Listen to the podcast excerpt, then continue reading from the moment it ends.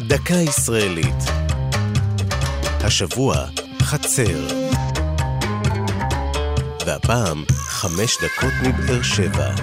במוצאי יום הכיפורים, תש"ז, 1946, באישון לילה, עלו לקרקע סמוכה לבאר שבע בני הכשרת תנועת הצופים, והקימו את קיבוץ חצרים. הקמתו הייתה חלק מתוכנית 11 הנקודות, שבמסגרתה צצו במהירות יישובים חדשים בצפון הנגב.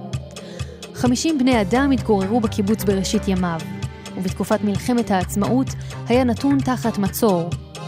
ימי משבר עברו על חצרים גם בשנות החמישים. האדמות המלוכות שעליהן ישב לא אפשרו טיפוח גידולים חקלאיים. לעומת זאת, התאימה הקרקע להקמת בסיס חיל האוויר חצרים. הבסיס נוסד בשנת 66, והיה הראשון שנבנה מן היסוד למען החיל, שכן עד אז שימשו את מטוסי צה"ל בסיסים מימי המנדט הבריטי. שנתיים לאחר בנייתו, עבר אליו בית הספר לטיסה של חיל האוויר, ולאחר מכן נבנה בסמוך גם מוזיאון החיל. בבסיס חצרים מוצבות טייסת אבירי הזנב הכתום, ובה מטוסי F-16, טייסת הפטישים של מטוסי F-15, וטייסת המשמשת להדרכת חניכי קורס הטיס. זו הייתה דקה ישראלית על חצר בחמש דקות מבאר שבע. כתב נחום וולברג, ייעוץ הפרופסור מוטי גולני, מפיקה נוגה סמדר.